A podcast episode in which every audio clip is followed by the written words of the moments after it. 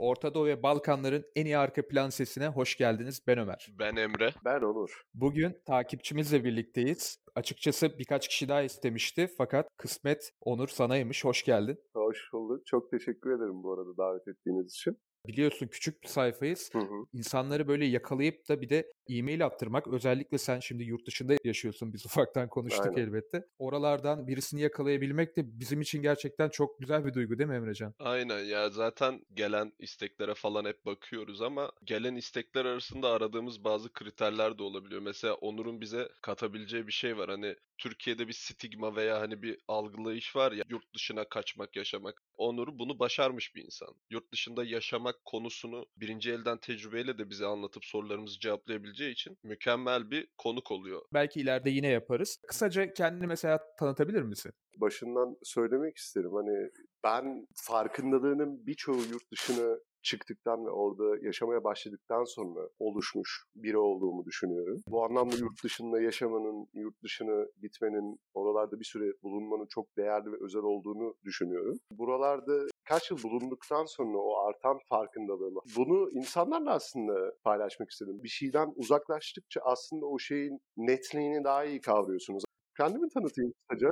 Adım Onur Yalçın, ben 34 yaşındayım. Ben öncelikle Osman Gazi Üniversitesi makine mühendisliğini kazanmıştım 2003'te. Hazırlık okudum, ardından 2 sene okumaya çalıştım, bir türlü sevemedim. Kocaman bir avluda 120 kişilik öğrenci grubunda 116 erkekle böyle motivasyon falan yaşamıştım. yani bir şekilde adapte olamadım, sevemedim, ısınamadım. 2 sene okuduktan sonra zaten derslerimin çoğu da failur'dı, yani F almıştım çoğundan. Hı hı. Tekrar üniversite sınavına girmeye karar verdim. 2006'da sistemin değiştiği, integrallerin, türevlerin artık sahaya indiği o sistemde hiç ders çalışmadım açıkçası. Yani çünkü hayatı sorgulamaya başladığım, bilinç oluşturmaya başladığım, Peki bir ortanca çocuk musun? Fahri olmadan Değilim. direkt ama gerçekten kafa olarak tam bizim kafadansın aslında. Aynen. bunu duyduğuma çok sevindim. Aslında ben bunu fark ettiğim için size ulaşmak istedim. Sizin de fark etmenize hakikaten sevindim bu anlamda. Ben ortanca çocuk değilim. Biz dört kardeşiz. Ben en küçüğüyüm açıkçası. En şımarık olanıydım vaktiyle ama şimdi en belki olgun olanlarından biriyimdir diyebilirim.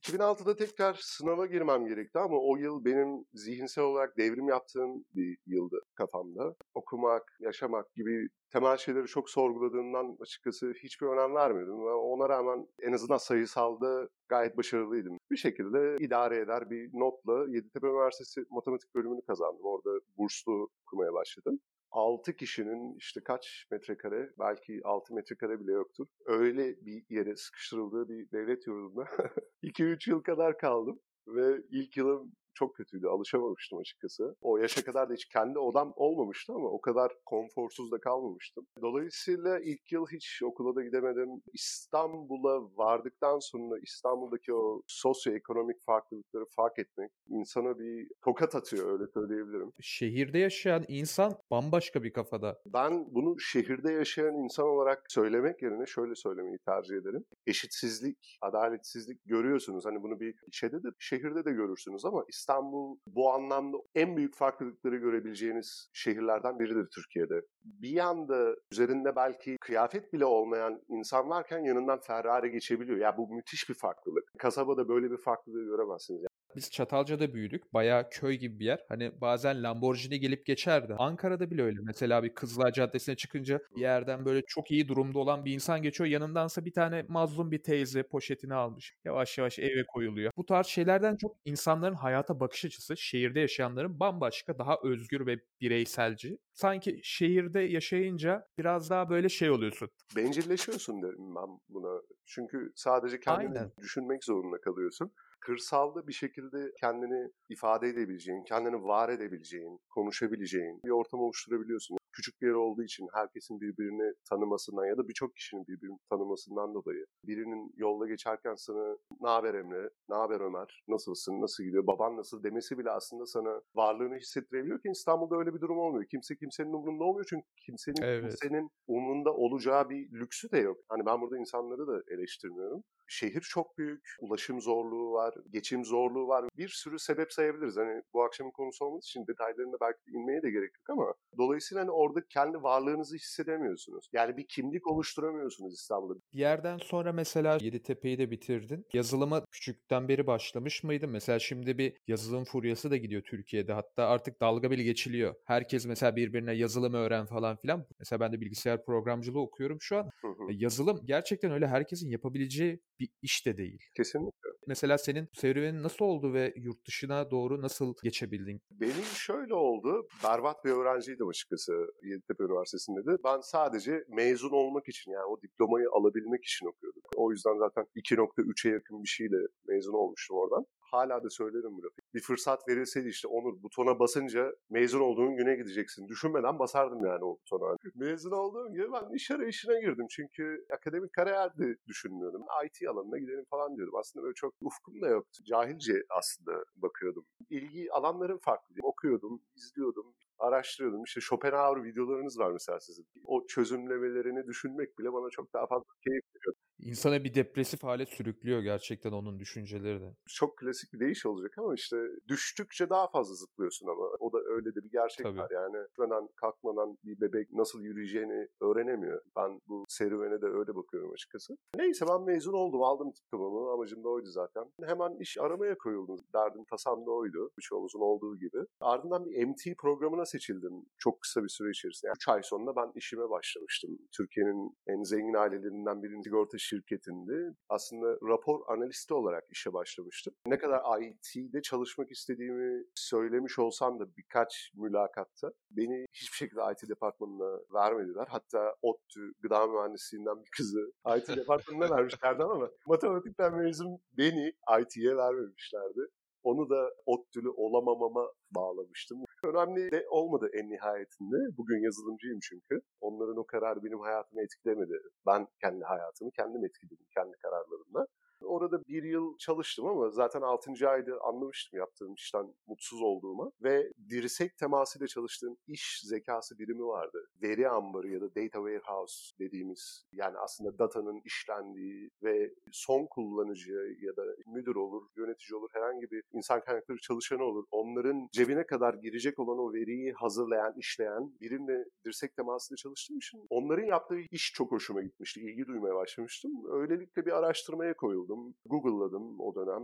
Oradaki ekiple çalışanlar da arkadaşlarım zaten hani çok yakınlardı bana. Onlardan da fikir alarak iş zekası alanına girdim açıkçası. SAP diye Microsoft'un belki de en büyük rakiplerinden biri olan global bir Alman firmasının danışmanlığını yapan birçok diğer danışmanlık firması gibi küçük bir firmada danışman olarak işe başladım. O sigorta şirketinden aldığım maaşın yarısına razı olarak bu arada. Çünkü ideallerim vardı. Gelecek görmüştüm. Öylelikle junior olarak öyle bir şirkette başladım. Ardından birkaç danışmanlık firmasına zıpladım maaşımı arttırabilmek için. Çünkü maaşınızı artırabilmenin tek yolu buydu o dönem. Mesela şöyle bir şey de duymuştum ilk çalıştığım danışmanlık firmasında. İşte sana %20 zam. Bu çok iyi zam oranı. Yani enflasyon çünkü %5. Ama zaten benim base maaşım o kadar düşük ki %20'nin etkisi de o kadar düşük oluyor yani.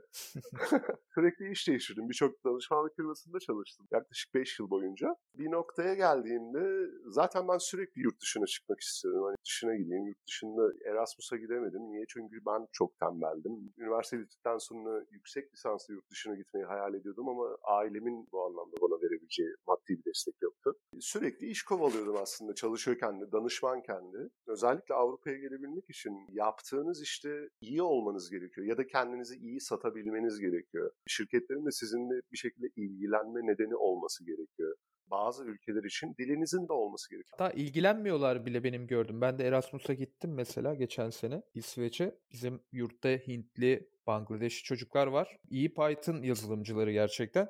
Hani gidiyorlar işe aynı kategoride birileri olursa onları almıyorlar. Gerçekten çok zor iş buldular kendilerine. Çünkü onlara birkaç ayrıcalık daha tanınması lazım. Çalışma izni verilmesi lazım. Bu tarz şeylerde de haliyle uğraşmak istemiyor oradaki insanlar da. Kolaya kaçıyor haliyle burada olduğu gibi. Kesinlikle öyle. Ya bu zaten birçok Avrupa Birliği ülkesi için aşağı yukarı aynı bir prosedür. O prosedürü de şöyle özetleyeyim hani dinleyiciler de belki faydalanırlar bundan. Avrupa'daki bir firmanın Avrupalı olmayan bir insanı işe alması için hani Türkiye'den yürüyelim. Öncelikle o iş ilanının onların işsizlik kurumunda birkaç hafta boyunca yayınlanarak işte 3 hafta ya da 4 hafta onun bir süresi var. Ülkeden ülkeye değişiyor bu arada. Hiçbir şekilde o ülke içerisinde o ilana uygun bir insanın bulunmaması gerekiyor. Bu birinci koşul. Birinci koşul sağlandığında ikinci koşula geçmeye hakkınız oluyor. İçişleri Bakanlığı'nın talimatı ya da işte yönergesi, yasası gereğince. İkinci koşul da şu oluyor. Avrupa'da olan sizin ülkenizin dışından diğer Avrupa ülkelerinden uygun bir aday bulabilir misiniz? Mevzu bu oluyor. Bunun da bir süresi var. Bunu bir test gibi düşünebilirsiniz. Eğer doğru adayı atıyorum Almanya'daki bir firma için Polonya'dan da bulamıyorsanız şayet o durumda üçüncü aşamaya geçiyorsunuz. Bu da şu oluyor. Sizin firma olarak Avrupa vatandaşı olmayan birine iş teklif etme hakkınız doğuyor. Buna da sponsorship yani sponsor olmak deniyor. Bu bir süreç, yorucu bir süreç ama ben aslında bunu formalite olarak yorucu olduğunu düşünüyorum. Siz iyi bir çalışansınız, yani işinizde iyiyseniz aslında her türlü Avrupa'da iş bulabilirsiniz. Buralarda 4 yıl çalıştıktan sonra bunu rahatlıkla söyleyebilirim.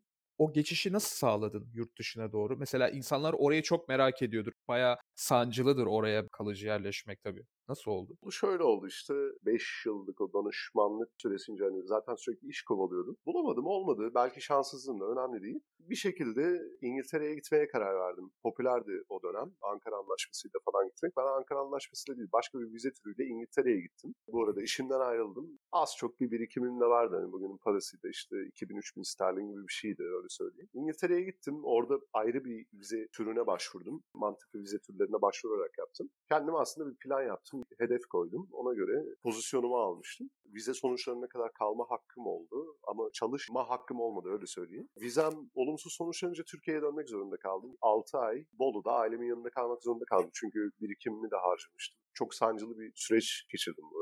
Şikayetçi değilim. Farkındaydım neler yaşadığımı. İş bulamadım. Teklifi de alamadım. Olmadı yani. O 6 ay çok sorunluydu. Burada bir araya gireceğim. Çünkü hikaye zaten sarıcı bir hikaye. Ben şu an dinleyicinin yerine koyarak da kendimi dinledim. Arada böyle kendimin de sormak istediği şeyler var. Mesela ilk başta şeyden bahsettin. Yanlış üniversite tercihinden dolayı iki yılını kaybettiğinden bahsettin. Benim de hani bir nevi aslında benzer. Ben de iki yılımı kaybettim. Yanlış bölüm veya üniversite tercihinden değil ama benim biraz da farklı olaylarım. Ben şeyi düşünüyorum. Yurt dışında olan böyle sistemler de var. Gap year diye geçiyor. Üniversiteyi kazandıktan sonra mesela bir sene boyunca herhangi bir eğitim almadan sadece kendinize yönelik geçirdiğiniz bir sene aslında. Hani üniversiteyi kazandın. Seneye kaydolacaksın. Hakkın var. Bir sene boş geçme şansı veriyorlar. Ben Türkiye'de üniversite yaşının 18 olmasını çok erken buluyorum. Çünkü Türkiye'de üniversite okumak hani artık bir zorunluluk haline geldi. Eskiden liseden sonra da hani gerekirse meslek lisesi olabilir başka hani böyle bir vasıf kazandırıp liseden sonra da insanlar hani bir şekilde meslek bulup kendine bakabiliyorlardı. Şimdi üniversite gibi bir zorunluluk var. Aslında üniversitelerin çoğu da lise 5'ten lise 8'e kadar bir devam. Diploma satıyor direkt. Aynen diploma satan da zaten çok üniversite var. Resmiyette üniversite açmak çok zor bir şey değil yani. Gerekli olan tek şey bir hoca, bir derslik, bir isim ve hani böyle sabıka kaydı olmayan bir dekan yani. Çok zor bir iş değil üniversite açmakta. Burada şey fark ettim. Sen de hani aslında bir nevi istediğin alana uygun olabilecek bir bölümü nispeten diploma almak için de sadece olsa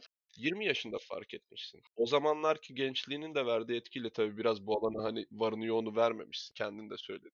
Peki sence üniversite yaşı Türkiye'de gerçekten 18 olmalı mı? Yoksa hani Türkiye'de zorunlu gap year mı getirilmeli? Bu konuyla ilgili herhangi bir kısa bir düşüncen varsa ilk bunu merak ediyorum ben. Elbette ki var. Bunu ben de çok sorgulamıştım, düşünmüştüm açıkçası.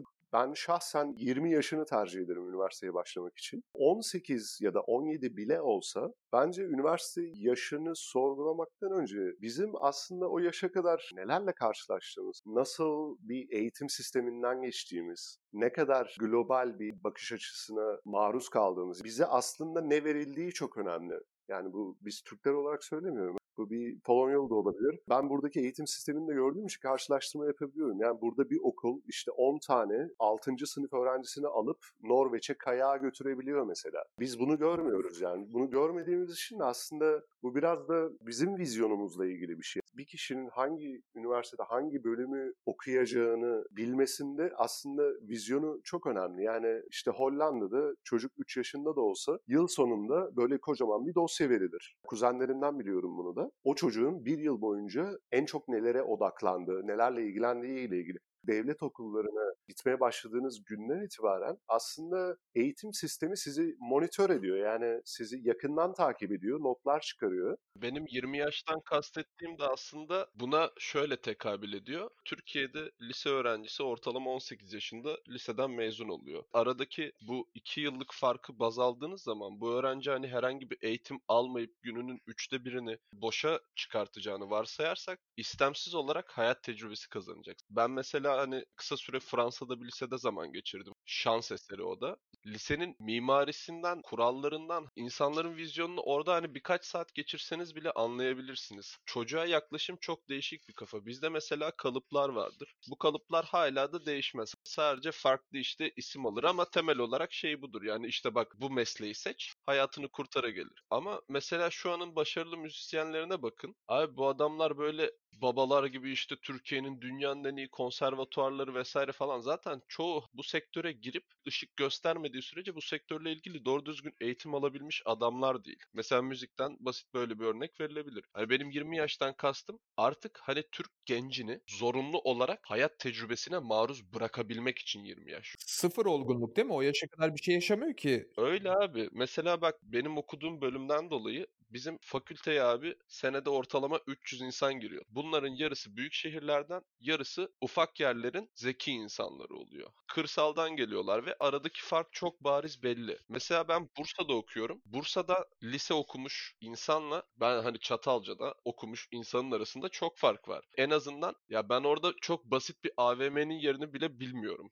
Mesela ondan sonra şey konusuna geçmek istiyorum. Mezun olduktan sonraki iş serüvenin benim de hani şu an yayınlanmadı o bölüm ama bundan bir önce yayınlanacak olan bölümümüzde şey var. 22 yaşında birine ne önerirsin tarzı bir soru gelmişti. 18 ile 22'ye ben farklı şeyler önerdim. Bu eğitim durumundan da dolayı. Benim 22 yaşındaki insana önerim şuydu sen 30 yaşına kadar para kazanma amacıyla yaşama. Sen 30 yaşına kadar değişilebilir bir dişlisin makinede. Ne kadar parlayabilirsen o kadar ileride rahat edeceksin. Ondan dolayı önceliğin para olmasın. Kesinlikle CV doldurmak basitçe ve tecrübe olsundu. Senin de orada yaptığın hamleden dolayı zaten ışık vermişsin. Orada sen normalde aldığın maaşın yarısına tekabül edip kendi hırsının peşinden koşmuşsun. Benim de hani verdiğim tavsiye buydu. O gence aslında basit bir şekilde. Bu prosesten biraz bahsetmeni istiyorum. Çünkü çünkü büyük bir şehirdesin. En son çocuksun. Zaten senden önceki abilerin veya ablaların artık hani belli bir oturaklılar. En küçük çocuk olmanın da öyle getirdiği bir etki var. Ve sen normalde aldığın maaşın yarısına giderlerin sabit ama gelirini %50 kesiyorsun. Ve bunu idealin için yapıyorsun ve bir şekilde hayatta kalıyorsun. Bu sürecin hani sana etkisiyle ilgili kesit de verebilir misin? Çünkü et dönerden tavuk dönere düşmek değil bu. Et dönerden A101 hazır kebaba düşmek gibi bir şey bu aslında yani. A101'de onun olduğunu bilmiyordum arada. Çok mükemmel fiyat performans yemeğidir öğrenciler için. İçinde 4-5 tane olur. Tavaya iki tarafına cızbız yaparsınız 2 dakikada. Artık et olduğu iddia edilen bir şey yersiniz. İstanbul'daki süreç aslında benim çok sancılıydı ve benim için çok anlamlı bir nokta o. Sebebi de şu, işe başlayacağım, kontratımı yapmışım yarı fiyatına ama benim onun öncesinde bir hayat standardım var. Ben şu örneği çok severim o yüzden.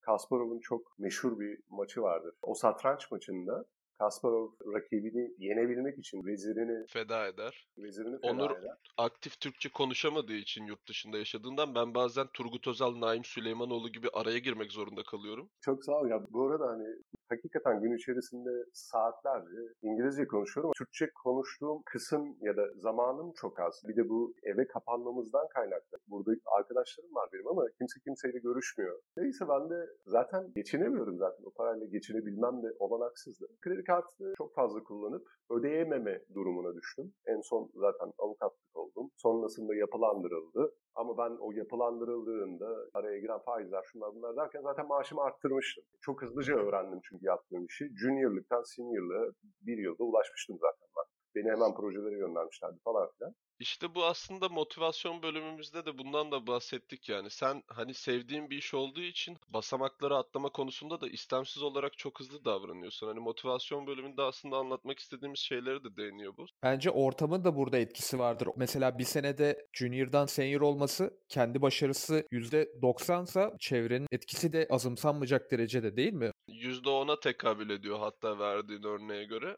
Söylemek istediğim şey bu. Hani podcast'lerde biz bunu direkt anlatıyoruz ama biz mesela Onur'la podcast öncesi hiçbir tanışıklığımız yok. Kendisi zaten bize mailden ulaştı ve farklı bir perspektif katabileceği için kendisini aldık. Ama aslında bizim anlatmak istediğimiz hikayenin kısa bir özeti yani Onur'un burada anlattıkları. Burada bize kısaca lise son ve üniversite giriş sürecinden itibaren hayallerine ulaşmak için verdiği çabayı kısaca anlatmış oldu kendisi de. Demek istediğimiz her şey aslında motivasyon, özgüven vesaire videolarında aslında demek istediğimiz her şeyi Onur zaten yaşamış. Onun yaşadıklarını dinleyip anlatmış gibi olmuş da ya sanki öyle bir his bile verdi bana. Yani sanki daha önceden biz Onur'un hikayesini dinledik. Ya aslında motivasyon böyle bir şeydir. İşte özgüven şöyle bir şeydir falan diye oralardan temel alarak konuşmuşuz gibi hissediyorum hatta bazı yerlerde. Onur öyleyse benim sana şey sorularım var. Yavaş yavaş kapanışa da yaklaşmamız lazım. Bize ayrılan sürenin sonlarına gelmeye başlıyoruz. İlk baştaki sorum şu. Mükemmel akşam yemeğin nedir? Benim için mükemmel akşam yemeği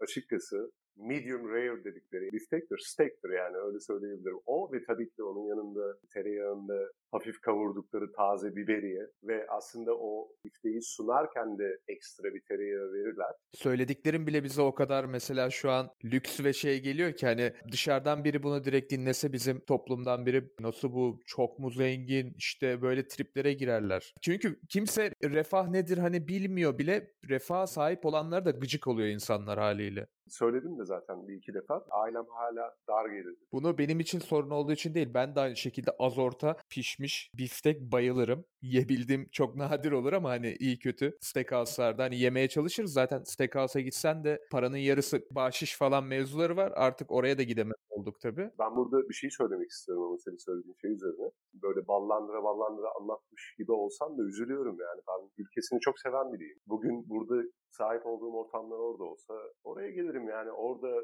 kendi dilimde bir aşk yaşamak isterim. Cemal Süreyya'yı okumak isterim. Çünkü onun oradaki verdiği acıyı burada bir Polonya'da Alman anlamıyor. Yani bizim kendi lokal acılarımız var yani. Umarım bunlar yakın gelecekte değişir, düzelir. Avrupa'ya geldikten sonra ya ben hayatımda fiyatını umursamadan ilk defa bir montu, mont yani hani araba falan değil yani mont çok temel bir ihtiyaçtır ya soğuk bir iklimde. Burada alabildim yani öncesi yok. Düşünün geldiğim koşullar bunlar. Daha öncesinde bir steak yeme, işte bir restorana gitme durumunda yok yani İstanbul'da. Öyleyse sormak istediğim son bir soru var. Biraz daha böyle havadan sudan konuşmak isterdim ama sen o kadar güzel bir şekilde betimlediğin için aslında insanlar dinlerken sadece kendi sorularının cevaplarını alacaklardır. Şu anın gençlerine özellikle üniversiteye yeni girecek bir insana ne tavsiye verirsin? Sen çünkü üniversiteye girmişsin olmamış. Aynısı Ömer'de de oldu. Ömer de birkaç defa üniversite değişti. Şu an iki üniversite birden okuyor. Ben mesela hiç değiştirmedim. Ondan dolayı onu çok bilmiyorum. Ondan dolayı çok fazla empati kuramıyorum. Sen üniversite değiştirdin. Ondan sonra başka bir üniversiteye geçtin. Hayallerin için bayağı fedakarlık yaptın. Zorluğa girdin. Avukat vesaire hani Türk insanının korkulu rüyalarıdır bunlar. Ve bir şekilde başardın. Bunun bir kısmı kısmet, büyük bir kısmı azim ve çalışma. Şu anki günümüz gençlerine ne öneriyorsun? Ne yapsınlar? Benim önereceğim en büyük şey imkanlarınız, koşullarınız, yani yapabilecekleriniz ne olursa olsun sınır tanımayacaksınız. Marx'ın çok sevdiğim bir sözü vardır. İnsanların düşünceleri maddi koşullarını belirlemez ama maddi koşulları düşüncelerini belirler. Ama ben onun ötesindeydim. Yani belki o benimle alakalı bir şey. Kendimi övmek için söylemiyorum. Yani ben çok merak ediyorum. Her şey zaten merak etmekle başlıyor. Önce merak etmek gerekiyor. İnsanlar yurt dışına gidiyor diye konuşuluyor mesela. Niye gidiyorlar? Bunu bir araştırmaları gerekiyor. Yani gidemiyorsan bile bir araştır. Bir şeyi merak edip araştırmaktansa televizyon kanalını açıp hiçbir anlamı, mantığı olmayan saçma sapan yarışma programları, eğlence programları zaten uyuşturmaya yöneliktir onlar. Ben 20 yaşından beri televizyon izlemiyorum yani öyle söyleyeyim. Ya benim evimde burada 60 inç televizyonum var ama izlemiyorum yani açıyorum YouTube'u. Sizin podcast'i dinliyorum yani mutfakta yemek yaparken yani. Peki öyleyse kişisel bir soru soracağım. En sevdiğin bölümümüz varsa böyle hani bu çok iyi falan dediğin söyler misin? Hepsini izlemedim çünkü bir şeyi hemen tüketmekten hoşlanmıyorum ben. Ama bana şey çok dokunmuştu. Senin bölümün adını hatırlamıyorum ama hastanede yaşadığın, çok sorunlu bir adamla yaşadığın problemi anlattığın bir bölüm var. Ya o bölüm bana dokunmuştu ya. Orada şey dedim ya bu adamlar hatta o bölümde aslında beni en çok size yazmamı aslında sağlayan şey senin orada bir serzenişin vardı. Ben o kanı alabilmek için 12 yılımı verdim. Orada sen bir doktorun tüm bu zorluklara ya da bir sağlık çalışanı sadece doktor olmak zorunda da değil. Yani bir hemşire de çok sıkıntı çekiyor. Sen orada bir yurt dışı karşılaştırması yapıyordun. İşte bugün Almanya'da bir doktor Porsche biner gibi bir cümleni hatırlıyorum. Porsche Almanya'da doktor arabasıdır. Ya bunu da Almancı insanlardan duymuştum direkt. Yani Porsche yapan, üreten zaten Alman yani. Hani Almanya'da zaten bu erişilebilir bir şey. Polonya'da da erişilebilir bir şey. Ben sadece alelade basit bir yazılımcıyım yani hepsi bu. Ben de alabilirim Porsche hani borçla, leasingle yani kiralama yöntemiyle ama alırım yani. Yapılabilir bir şey bu. Ve bu önemli bir nokta. Yani mücadeleye devam arkadaşlar. Orada imkanlar bu mu? Tamam eyvallah. Yani oradaki köprüyü geçene kadar ayıyı dayı diyelim denir ya. Abi öyle yapacaksınız işte hani ben öyle yaptım. Yani gençlerin de öyle yapması gerekiyor. Ben de isyan ettim ama isyan ediyorken isyana paralel bir gelişim de göstermek gerekiyor. Merak edeceksin, araştıracaksın, bakacaksın, okuyacaksın. Hani dil öğreneceksin. Almanca bilen bir doktoru. Yani Almanya şu an havada kapıyor. Müthiş bir sağlık çalışanı ihtiyacı var Almanya'da. Sadece doktor da değil, hemşire de aynı şekilde. Ek olarak hani herkes için bilgi olsun. Bu yıl her şeyin başladığı o Mart ayında, 31 Mart'ta Almanya'da yeni bir göçmenlik yasası yürürlüğe girdi. Göçmenlik yasası çerçevesinde öncelikli olarak adamlar Avrupalı olmayan sağlık çalışanının ülkelerine göçmelerini bekliyorlar. Özellikle hemşireler, doktorlar, hasta bakıcıları vesaire. Tek bir bariyer var o da dil bariyeri. Yani dil derken hani kimse sizden Nietzsche seviyesinde Almanca konuşmanızı beklemiyor. Aynen B2 seviyesi Almanca istiyorlar şu an. Kesinlikle yani bu Almancayı 6 ayda öğrenebilirsin. Lehçe dünyanın en zor 3 dilinden biri olarak kabul ediliyor. Ya ben Lehçeyi şu anda A2 seviyesinde konuşuyorum. 2-3 hafta ders alarak onunla hani konuşuyorum. Ha burada yaşıyorum, duyuyorum falan ama burada 5 yıl yaşayıp hiçbir şey bilmeyen adamla da tanıştım. Ya her şey öğreniliyor arkadaşlar. Aslında konuşacak çok fazla şey var da şunu özetle söylemek istiyorum. Biz yanlış atı oynuyoruz. Gençler olarak etkilendiğimiz kişiler dolayısıyla da yanlış. Kimden etkileniyoruz? Etkileyicilerden, influencer diyorlar ya. Instagram'da şurada burada. Yani gidiyor işte Barcelona'ya tatili bir tane Instagram ünlüsü diyelim. Benim için hiçbir anlamı olmayan sadece bir resimden ibaret insanlar kim olduklarını adlarını da bilmiyorum. İşte o gidince ne oluyor? Bir popülerlik yapıyor. Zaten reklam amaçlı yapılan şeyler. Kendinize yatırım yapıp influencerları ve televizyonu kısaca aslında çöpe atıp kendinize inanın ve bunun için gerekli olan her şeyi yapın diyorsun benim anladığım kadarıyla ve zaten hayat hikayen de bunu söylüyor biz hakikaten şeyiz yani böyle bir özgüven problemimiz var. Biz aslında hakikaten çok iyiyiz yani.